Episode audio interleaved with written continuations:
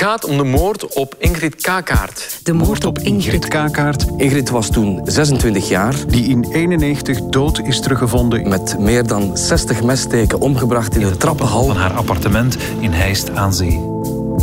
Erg gewelddadige moord. Tientallen messteken. Meer dan 60 62 messteken. De dader was zelf gewond geraakt, vermoedelijk in zijn rechterhandpalm. De politie heeft vijf nieuwe tips binnengekregen over de moord op de jonge vrouw Ingrid Kakaert. Zonder resultaat. Wel is er een bloedspoor vastgesteld dat via de trappenhal naar beneden loopt. DNA dus, maar dat heeft na 30 jaar nog niks opgeleverd. Ik ben George, de vader van Ingrid. En natuurlijk, nu zijn we op zoek voor eventueel nog te kunnen te weten komen wat er of waarom dat gebeurd is. Waarom? Dat zo iemand moest vermoord worden. Weet niks, niks, niks. Misschien kan er vandaag nog een antwoord komen. Mijn naam is Maxelena van den Einde en in de zaak I ga ik op zoek naar de grenzen van wetenschap in moordonderzoek. Je kunt aan de hand van het DNA dat gevonden wordt op de crime scene, kan je weten van oké, die persoon is hier geweest. En dat maakt het heel krachtig. Zo krachtig dat DNA onopgeloste moordzaken kan helpen oplossen, zoals in Nederland al gebeurt. Je moet echt ook over grenzen heen denken. Maar er is één heikelpunt. Dit is iets privacygewijs, dat is zeer delicaat. Wetenschap laat ons veel toe, maar het moet altijd gevalideerd zijn, ook door justitie, voordat dat we dat kunnen toelaten. Er broedt van alles binnen justitie. Een nieuwe DNA-wet ligt op dit moment in het parlement op tafel en wordt langs alle kanten bekeken om de perfecte balans te vinden tussen recht op privacy en recht op antwoorden. Dit is de eerste aflevering van De Zaak I, een vijfdelige podcast van Radio 1. Ik heb van Radio 1. Radio 1. Goedemorgen, mag ik jullie eens iets vragen? Wat ik weet van DNA. DNA. Over DNA. Ja, ja, ja, dat weet ik. Hè. Dat is, dan ze kunnen onderzoeken wie dat van wie is en wat dat van wat is. Ja, ja, DNA bij ook, ja, maar laat ik eruit. Ik ben, niet, ik ben geen dokter, dus... Of al mijn dochter loopt hier en zij is een verpleegkundige, die is meer op de hoogte ervan. Ah, waar is Ja, alle. Ik trok de straat op om polshoogte te nemen van de kennis over de belangrijkste begrippen van deze podcast. DNA en chromosomen. Oh ja, dat zit in je genen. Dat uh, krijg je van je vader en van je moeder. DNA, ja. Ik weet wat dat is, want ik heb in mijn familie... De vriendin van mijn zoon heeft DNA en die kinderen ook. 50% is van de vader en 50% van de moeder. Speeksel of zo, of bloed? Dat weet ik het niet. Tegenwoordig is die DNA wel interessant voor de, de moorden op te zoeken en al zo'n ding. Dat, er, dat, is natuurlijk wel, eh, dat is wel een goed punt, ja. Daar heeft hij een goed punt. DNA groeit uit tot een van de krachtigste tools in een moordonderzoek en kan ook wel eens in de moord op Ingrid Kakaert na meer dan 30 jaar voor een doorbraak zorgen. DNA, dat is hard bewijs. Dit is Sophie Klaarhout. Je kunt niet om DNA heen. Experte forensische genetica en dokter aan de KU Leuven. Sophie wijdt haar leven aan het onderzoeken van nieuwe pistes voor vastgelopen moordzaken. En zeker niet als er zoveel verschillende biologische sporen van jou gevonden zijn op een lichaam of op een crime scene. Jij was daar aanwezig en hoe langer dat je er was, hoe meer DNA er was. Ze staat al jarenlang in contact met de ouders van Ingrid Kakaert, in de hoop om met haar onderzoek de dader van de moord op hun dochter alsnog te vinden. Hoe ze dat doet, vertel ik je later, want om dat te begrijpen moeten we even naar de basis. Wat is DNA? Ja, dus DNA dat is eigenlijk een unieke persoonlijke code. En je krijgt jouw DNA voor 50% voor de helft van uw moeder en voor de andere helft van uw vader. En die twee onderdelen die gaan eigenlijk ja, stukken gaan uitwisselen met elkaar. Dus niemand op de wereld heeft dezelfde code als jij. Zelfs uw broer en uw zus niet. Ze hebben wel een gelijkaardige code, omdat ze van hetzelfde potje DNA komen. Maar dat is toch anders door elkaar geschud, waardoor dat zij ook een uniek DNA-profiel hebben. Dat potje DNA van je ouders bestaat uit vier letters. A, C, T en G. Dat zijn de bouwstenen waarmee DNA wordt opgebouwd. En de manier waarop die letters elkaar opvolgen en hoe vaak een bepaalde letter voorkomt, is dus bij iedereen anders. Denk aan een nummerplaat, maar dan met 3 miljard tekens in plaats van 7 tekens. Op het moment dat de politie biologische sporen verzamelt, bijvoorbeeld een sigarettenpeuk, een enveloppe, een t-shirt van het slachtoffer, dan wordt dat eigenlijk naar het forensisch genetisch labo gebracht. Ze neemt me mee naar zo'n forensisch labo in Leuven. Um, hier naar rechts. Misschien moeten we ook een labojas aandoen. Dus die ga ik zelf pakken en die ga ik aan jou geven. Ja. We zijn ook volledig ingepakt met witte pakken, handschoenen, bril, haarnetje, mondmasker. Um, dat is ook volledig dicht getimmerd, laten we zeggen, waardoor dat er geen zonlicht aan kan. Dus het is altijd verplicht om een labojas te dragen in het labo, omdat we natuurlijk niet willen dat we ja, ons werkplek gaan contamineren, noemen ze dat, besmetten, met ons eigen DNA, zal ik maar zeggen. Okay. Dus nergens aankomen best. En dan is de vraag, wat kunnen we vinden op dat bewijsmateriaal? Eerst wordt er gekeken naar het geslacht. Is het DNA afkomstig van iemand met het mannelijk of het vrouwelijk geslacht? Dat kan je namelijk afleiden van de chromosomen. Elke mens heeft één set geslachtschromosomen, XX of XY. Al bestaat daar nog wel wat verwarring rond. Goedemorgen, mag ik jullie kort eens iets vragen? Goh ja, jong, ja. Moet nou eerlijk zijn, dat overvalt mij nu wel een beetje. Welk chromosoom hebt u? Ik denk dat wij Y hebben. Y-chromosoom? Nee, X-chromosoom? Nee, wacht maar. Uh, ik heb het ooit geleerd, maar ik weet het niet meer. Chromosomen? Uh, twee zeker, hè? Uh, wacht, ik niet. Goh, zijn met die X en die Y-dingen? Ja, ja, ik weet niet... Ik weet niet wat wij is. Welke chromosomen? Ja, de mannelijke waarschijnlijk, maar of dat het juist in elkaar zit, dat weet ik niet. Nee. Ik weet het niet. Dames zijn XX en heren zijn XY. Ah, bon, op die manier. Voor de volledigheid, iemand van het vrouwelijk geslacht heeft twee X-chromosomen en heeft dus geen Y-chromosoom. Iemand van het mannelijk geslacht bezit zowel het X als het Y-chromosoom en heeft dus de set XY. En ik focus mij vooral op het kleine stukje in het mannelijk DNA, namelijk het Y-chromosoom. En dat is goed gezien, want meer dan 90% van de moorden in België wordt gepleegd door een man. En dus kan Sophie's techniek in heel wat cold cases worden toegepast. In de zaak K-kaart wordt er bloed op de plaatsdelict gevonden. Bloed dat niet van Ingrid zelf is. Al snel blijkt dat ook dat DNA van een man afkomstig is en dus een Y-chromosoom bevat. En dat Y-chromosoom is de basis van Sophie's onderzoek. Nadat het geslacht is bepaald, worden de DNA-stalen netjes opgeslagen in de diepvriezer van het labo. Dus dit hier is onze diepvries. Um, en daarbij zie je eigenlijk al het eerste schap met ja, al onze tubes. Ik ga er nu eentje uithalen. In dit klein doosje zitten 46 mannen. Dat zijn echt tubekes, dat zijn proefbuisjes. De mannen zitten in kleine doorzichtige proefbuisjes, genummerd en gelabeld. Dus van 1 tot en met 46. Het is te zeggen, hun speeksel en dus ook hun DNA zit in deze buisjes. De laboranten weten niet welke man er in welk buisje zit. We moeten op zoek gaan naar de persoon met hetzelfde DNA. Wacht even. Dus als er DNA wordt gevonden, dan weten we eigenlijk nog altijd heel weinig. Als wij DNA vinden op de crime scene, dan um, kunnen we dat met niemand vergelijken behalve met de verdachten in de zaak of met de Nationale DNA-databank. Wij hebben dus geen naam. We moeten nog op zoek gaan naar iemand met hetzelfde DNA. En pas als er een match gevonden is, kan iemand binnen een parket het naamkaartje van het staal bekijken. En die match mag enkel gezocht worden in databanken enerzijds en tussen verdachten anderzijds, want zij kunnen verplicht worden om DNA af te staan. Het probleem is eigenlijk wanneer dat er een zaak gebeurt um, en we hebben het DNA van de dader, dus dat is, wel, dat is een heel krachtige tool. We hebben DNA, dat is persoonsgebonden. Maar dan nog kan het zijn dat er een zaak vastloopt. Waarom? Omdat de dader gewoon niet boven water komt, op de radar verschijnt. Als hij bijvoorbeeld niet in de databank zit, in onze nationale databank waar alle misdadigers in zitten opgeslaan, of als hij gewoon nooit als verdachte wordt gezien in die zaak. En dat is natuurlijk heel jammer, want... want niet iedereen zit standaard opgeslagen in zo'n DNA-databank. Dat willen we ook niet, terecht. Maar het zou het wel veel gemakkelijker maken, natuurlijk.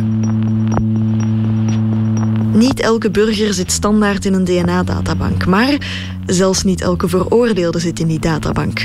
In totaal zijn er drie nationale DNA-databanken waar de politie op kan terugvallen. Dus enerzijds heb je de DNA-databank uh, veroordeelden. Dit is Bieke van Hooijdonk. Zij is een van de afgevaardigden van de DNA-databanken van België. De eerste databank bewaart dus DNA-profielen van veroordeelden. De tweede databank bewaart de niet geïdentificeerde sporenprofielen. Dat zijn DNA-sporen die op een plaats delict worden gevonden. Uh, blikje cola, maar dat kan in zede feit ook gaan om bijvoorbeeld een spermavlek of dat kan gaan om een bloedspoor. Maar waarvan er nog geen idee is van wie die sporen afkomstig zijn. Niet geïdentificeerde sporen dus. En dan is er nog die derde databank. Um, een derde is de databank van vermiste personen. En daarin zitten uh, de DNA-profielen enerzijds van personen die als vermist worden opgegeven of onbekende lichamen die worden aangetroffen. En dat zijn de drie eigenlijk voor juridische doeleinden. Er is nog een vierde databank waar alle DNA-onderzoekers in zitten. Het eerste dat ik moest doen op mijn eerste werkdag hier aan de Forensische Dienst in Leuven was mijn DNA afgeven. Omdat het dan ook wel duidelijk kan zijn dat bijvoorbeeld, ja, als ik ergens geniest heb of weet ik veel wat, dat dat dan ook wel onmiddellijk duidelijk wordt van oké, ja, Sophie heeft hier iets verkeerds gedaan of zo. En ook die databank heeft zijn nut inmiddels bewezen. Dat is de swap. Dat is dat borsteltje. En wat doe ik eigenlijk als er een borsteltje toekomt in het labo? Letterlijk in stukjes gaan snijden. Met een klein fijn mesje. En um, ik heb één keer een uh, werkongeval gehad met dat mesje. Dat was echt dom van mij, maar ja. Ik had er 500, 500 moeten in stukjes snijden. En ja, het 430ste of zo had ik het mesje omgekeerd gehouden. En het drukt redelijk hard op dat mesje, maar dat was ja, instant dat mijn vinger begon te bloeden natuurlijk. Mijn eerste reflex was gelukkig om mijn vinger weg van die borsteltjes te trekken, want anders lag mijn DNA ook gewoon op dat borsteltje. Maar goed. De vier databanken van België dus. De indeling en regelgeving van zo'n databanken verschillen van land tot land. Zo heeft het Verenigd Koninkrijk bijvoorbeeld een gigantische nationale DNA-databank. Waarom? Als je in contact komt met de politie, dan moet je eigenlijk al snel jouw DNA afgeven. Dus bij bijvoorbeeld ja, een diefstal of een verkeersovertreding. Stel, je hebt te snel gereden, politie houdt u tegen, boete aan uw been, maar je mocht ook uw DNA afgeven. En op die manier heeft Verenigd Koninkrijk eigenlijk een heel mooie grote databank. Wacht, een mooie grote databank. Ik blijf wat hangen bij de beschrijving mooi, want beeld je maar eens in, je rijdt heel even 125 km per uur op de snelweg, omdat je bijvoorbeeld iemand voorbij steekt en flits, een boete in de bus en een wattenstaafje in de mond. De rest van je leven opgeslagen in een databank. Is dat dan de oplossing? En dat zorgt er ook voor dat er ja, minder cold cases zijn in het Verenigd Koninkrijk. Hmm. Zo klinkt het haast wel. Maar dat is bij ons niet het geval. Ja, we hebben geen zo'n grote databank. En uh, daardoor moeten we met andere tools aan de slag. Wij hebben geen grote DNA-databank. Wij hebben vier aparte, kleinere databanken. Hoe wordt DNA-onderzoek in België dan gebruikt? Daarvoor moeten we terug naar Leuven, naar Ronnie de Korte. Wij doen een vijfhonderdtal gerechtelijke zaken per jaar. Ronnie de Korte is professor forensische genetica aan de KU Leuven en het hoofd van het labo van de forensische genetica binnen UZ Leuven. Dat gaat van de huistuin- en keukendiefstallen. Uh, dus een bloedspoor van een inbreker die teruggevonden wordt, een sigarettenpeuk, een, een drankblikje dat gebruikt is door de dader. Uh, wordt onderzocht tot eigenlijk ja, zedenfeiten, zeer zware feiten, de moord, doodslag, uh, waar dat we gevraagd worden om DNA-analyse te gaan doen. Maar evengoed wordt DNA gebruikt om familiestambomen te reconstrueren. Dat kan recreatief, zoals we allicht wel allemaal in de familie een familielid hebben dat zich daarmee bezighoudt, maar het kan ook nuttig zijn in rechtszaken. Het klassieke geval waarbij de vader eigenlijk ontkent de vader van het kind te zijn en dat probeert te bewijzen via de rechtbank, zal de rechtbank ons aanstellen om een DNA-test uit te voeren en vast te stellen is hij de biologische vader of niet de biologische vader. Dat zijn er toch een, ja, tachtigtal tot honderdtal vragen per jaar dat we krijgen. Uh, en dat is zowel privé vragen, maar ook via de rechtbank. Ook studente Sophie Klaarhout heeft een vraag. In 2014 klopt ze aan bij professor De Korte. Aanklop is veel gezegd, ze kwam aangewaaid. In diezelfde periode komt Sophie in contact met het dossier van Ingrid Kakaert. De moord op de 26-jarige immomakelaar in Knokkenheist. Die in 91 dood is teruggevonden. Met meer dan 60 messteken omgebracht in de trappenhal. van haar appartement in Heist aan Zee. Ik heb mij toen zitten inlezen en ik heb toen ook heel wat onderzoek gedaan naar de pistes die al bekeken werden. En dan begin je zo'n beetje in detectieve-modus natuurlijk. Is er DNA van de dader? Want dat was voor mij heel belangrijk. Als forensisch DNA-expert moet er DNA zijn van een donor op de crime scene. Dat bleek in mijn voordeel te spelen. Er was bloed en er was geen druppeltje. Er waren heel veel druppeltjes bloed. En het bleek te gaan om een mannelijke dader. Dan ga ik naar mijn prof en vraag ik... Zeg, Ronnie, hebben wij nog dat DNA van die dader van Ingrid? Want ik wist dat dat ook bij ons terecht kwam. En op dat moment kreeg ik een heel grote zucht van mijn prof. Oh, Sophie, waar ga jij je nu meer mee bezighouden? Want professor De Korte houdt zich al jaren bezig met dat dossier. Hij richtte namelijk het eerste forensisch labo op in België eind jaren 80 en werd dus van meet af aan betrokken bij de moord op Ingrid Kakaert in 1991. Op dat moment staat de kennis van DNA in de forensische wereld nog maar in zijn kinderschoenen. In 2023 was er in het nieuws zo'n zaak die daar het perfecte voorbeeld van was. De glazenwasser. In Antwerpen is de jury net uit beraad in de zaak rond Stéphane Dulion, de ruitenwasser die in de jaren 90 vier vrouwen heeft verkracht en vermoord. De seriemoordenaar vermoord verspreid over een aantal jaar vier vrouwen. Drie van hen kende hij door zijn job als glazenwasser. De vier slachtoffers werden op verschillende plaatsen in en rondom Antwerpen vermoord in een tijdspanne van vijf jaar. De moordzaken liepen één voor één vast. Meer dan een kwart eeuw kon de man uit handen van het gerecht blijven. Hij werd als bij wonder toch nog gevat dankzij DNA-bewijs. Na een diefstal vorig jaar werd DNA bij hem afgenomen. En zo belandde zijn DNA in de databank van veroordeelden. Dat konden speurders linken aan een eerste moord en twee weken geleden ook aan een tweede moord. Dit alles dankzij de DNA-databank waar in de jaren 90 gewoonweg nog geen sprake van was. Gisteren legde de man spontaan bekentenissen af. Hij bekende niet alleen de twee moorden waar zijn DNA aangelinkt kon worden, maar... Maar ook nog twee andere moorden in de jaren 90 die tot nu toe niet opgelost waren. Intussen weten we dus dat hij vier vrouwen heeft vermoord tussen 1992 en 1997. En het zou best kunnen dat nog meer moordenaars en verkrachters tegen de lamp gaan lopen. Dus ik ben eigenlijk in 88 hier in Leuven begonnen.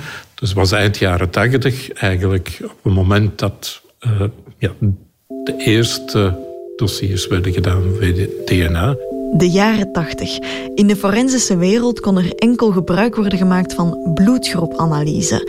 Als er dus bloed op een plaatsdelict werd gevonden, konden ze verdachten uitsluiten wanneer hun bloedgroep niet overeenkwam met die van het bloedspoor op de plaatsdelict. Wij hebben een beperkt aantal bloedgroepen. Vier, om precies te zijn. Er zijn heel veel mensen die met dezelfde bloedgroep rondlopen.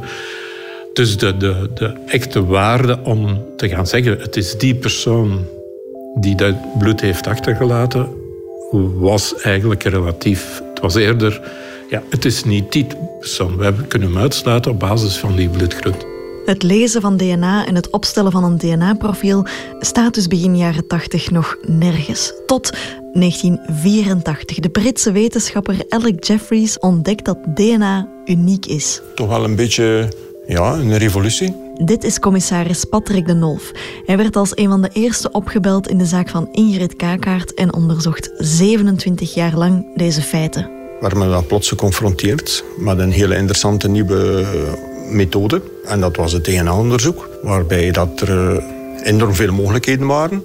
En dat je eigenlijk al wist van in het begin, ja, dat, dat is hier wat die in het oneindige kan gaan in de loop van de jaren. En dat is in Engeland gestart vanaf 1985. 1985. In Engeland konden twee moordzaken aan elkaar gelinkt worden door éénzelfde spermaspoor, dankzij het recente inzicht dat DNA uniek is. It, as you say, it's like a, a fingerprinting. We believed in it. Even though we didn't know much about it, we believed that this was going to work. Met beperkte kennis en veel vertrouwen werd het eerste grootschalig DNA-onderzoek georganiseerd, waarin burgers uit de omgeving van de moord gevraagd werden om vrijwillig hun DNA af te staan.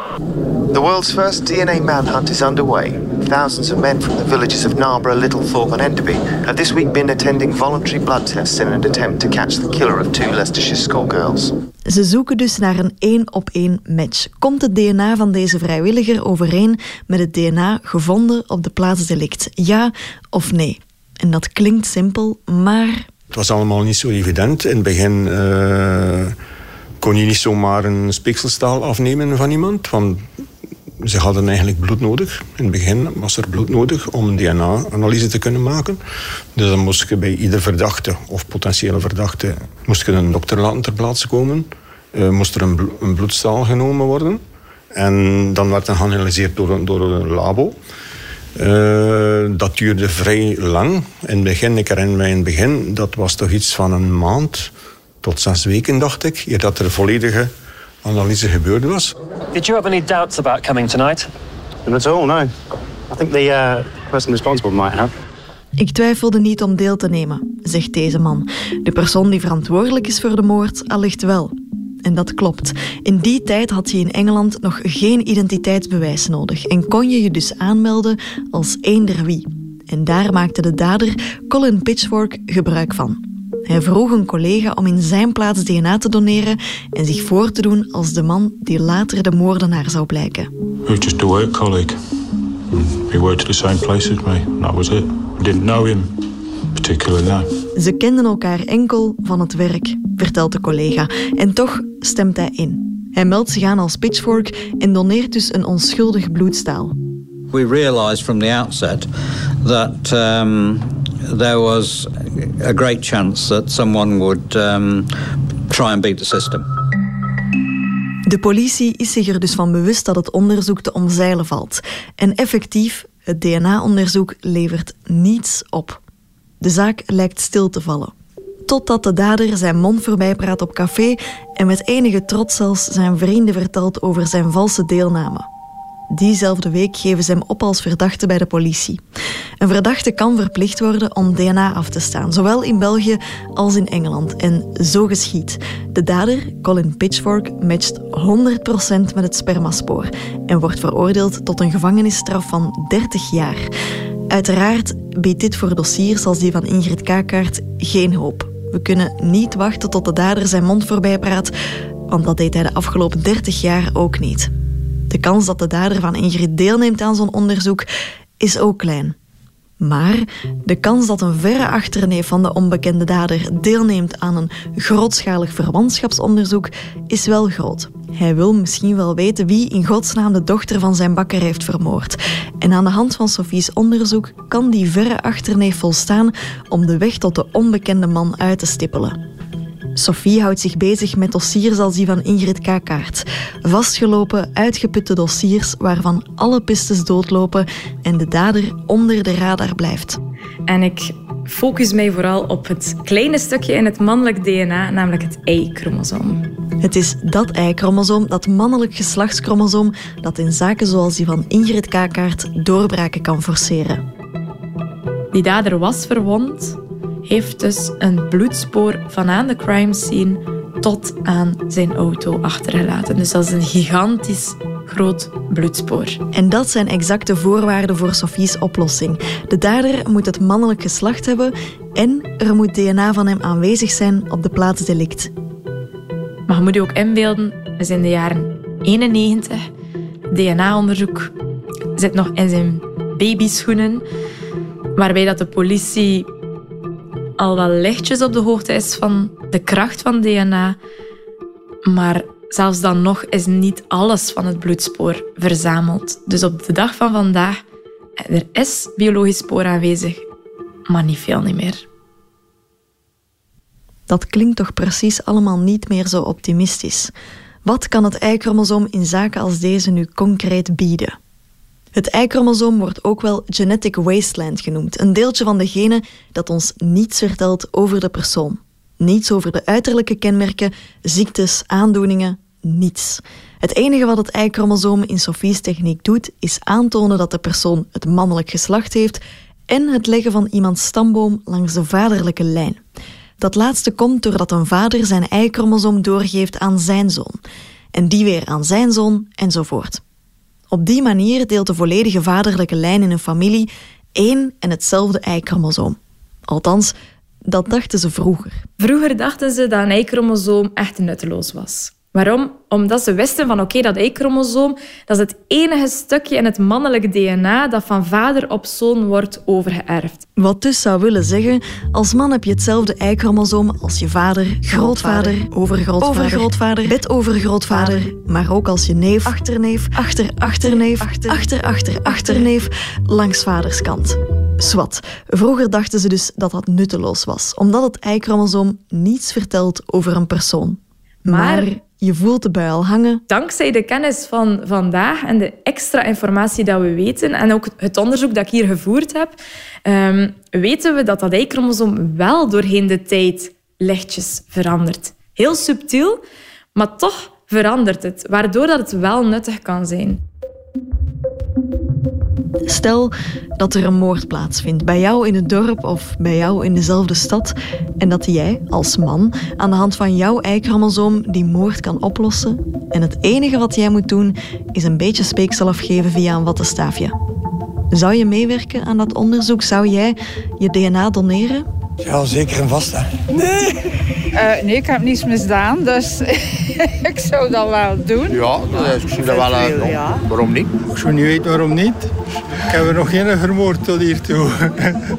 Omdat ik niks te verbergen heb. Direct. Als het geen pijn doet. Ja hoor, ik heb geen geheim. Ik ben heel transparant, dus waarom zou ik het niet doen? Ze weten nog genoeg van u, hè? Nee. nee. Als ik er niks mee te maken heb, waarom zou ik dat dan afstaan? Ja, dat is waar. Okay. Diegenen die nu net het, allez, die al iets uitgespookt hebben, of die dat van plan zijn, of weet ik veel, ja, die gaan dat niet doen. Hè. Dus wat is dan het nut van het van iedereen te gaan nemen? Ethisch gezien kan je daar wel uh, veel verder mee dan alleen maar het oplossen van cold cases. Maar ik zou niet bijvoorbeeld nee zeggen, maar ook niet bijvoorbeeld ja. ik zou me wel deftig laten informeren als het zover is. Ik weet het niet. Ik wil daar graag eerst wat informatie over. Het Y-chromosoom wordt dus wel degelijk van vader op zoon doorgegeven, maar verandert steeds een heel klein beetje per generatie.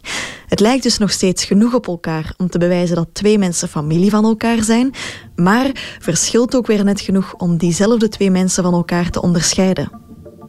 Dus mijn onderzoek spitst hem echt op CSY. Dat is eigenlijk echt met een knipoog naar CSI, maar dan het crime scene onderzoek op het Y-chromosoom. Dus dat klein stukje familie-DNA om ook niet alleen ons te kunnen beperken tot het vinden van dichte familieleden, zoals broers of vader of kind, maar ook heel veel verder. Dus echt ook neven die elkaar zelf niet kennen, die zelf 40 generaties van elkaar verwijderd zijn, kunnen wij toch nog met dat Y-chromosoom terug traceren. Dat heet dan... Genetische genealogie. Stambomen reconstrueren aan de hand van DNA. Ja, en zo heb ik ook uh, de bizarre ontdekking gedaan dat ik uh, verwant ben met mijn partner, Simon.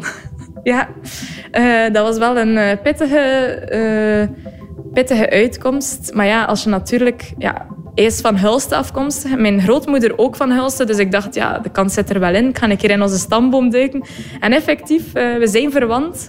Maar uh, gelukkig wel twaalf generaties tussen. Dus uh, we hoeven niet te vrezen voor onze nakomelingen. maar ja, dat was toch wel even, even slikken, zou ik zeggen. Ja. Oké, het Y-chromosoom kan dus familiestambomen in kaart brengen in de vaderlijke lijn. Hierdoor kan je ook met kleinere databanken werken en toch tot bij die onbekende man geraken. En dus dat Y-chromosoom zorgt er eigenlijk voor dat je ook met een kleinere databank wel die familie kan gaan traceren. Want zelfs met het DNA van een verre achterneef kan je achterhalen dat en hoe ver de onbekende man van hem verwant is. Als ik het goed begrijp, biedt het Y-chromosoom dus de sleutel voor het heropenen en oplossen van vastgelopen moordzaken. Moordzaken waar alle pistes doodlopen en de dader onder de radar blijft. In die zaken, die zogenoemde cold cases, kan dat mannelijk geslachtschromosoom een doorbraak forceren. Wat houdt ons dan tegen, wetende dat 90% van de moordzaken in België gepleegd wordt door een man? Er zit een grote limiterende factor aan heel het verhaal, namelijk de wet. En in de wet staat geschreven dat je enkel één op één matchen mag doen. Mag gaan kijken, is die persoon de dader ja of nee? En dat is wel limiterend, want dat Y-chromosoom werkt net zodanig dat je, dat je de vergelijking kan gaan maken bij bijna matchen. Dus familie van de dader. De wet limiteert, of beter gezegd, limiteerde. Want een team van experts breekt hun hoofden over een nieuw DNA-wetsvoorstel waarin recente technieken worden opgenomen. Hiervoor wordt opnieuw de balans gemaakt tussen het recht op efficiëntie in een moordonderzoek enerzijds en het recht op privacy anderzijds. Dit is iets privacygewijs, dat is zeer delicaat. Want, uh, geloof het of niet, maar dat Y-chromosoom dat wordt zodanig ver doorgegeven van vader op zoon, vader op zoon, vader op zoon, dat je eigenlijk terug kan gaan in de tijd tot helemaal aan het prille begin van de Homo sapiens, waarbij dat we dus alle mannen op deze wereld kunnen terugtraceren tot één oerman, ei Adam, en waarmee dat we dus met dat Y-chromosoom en die hele trage, subtiele verandering een heel grote stamboom, een mensenstamboom hebben kunnen maken. Het Y-chromosoom kan dus vertellen of twee mannen aan elkaar verwant zijn of niet. En het Y-chromosoom kan ook een indicatie geven van waar een man afkomstig is. Hoewel het in België nog niet is toegestaan, heeft het Y-chromosoom op die manier in Nederland al voor een doorbraak gezorgd. En de lokale bevolking die was van mening dat de dader iemand uit dat asielzoekerscentrum moest zijn. Dat heeft uh, voor heel veel uh, sociale onrust in die omgeving gezorgd. En dus moet deze wetenschapper onderzoeken van waar op aarde het gevonden DNA afkomstig zou zijn. Het is gevraagd, ik heb het gedaan, het is gelukt. En daardoor is uiteindelijk ook nog de dader gevonden. En wat bleek heel dichtbij, heel dichtbij. Ja, dat, dat nieuws sloeg in als een bom. Dat hoor je in de tweede aflevering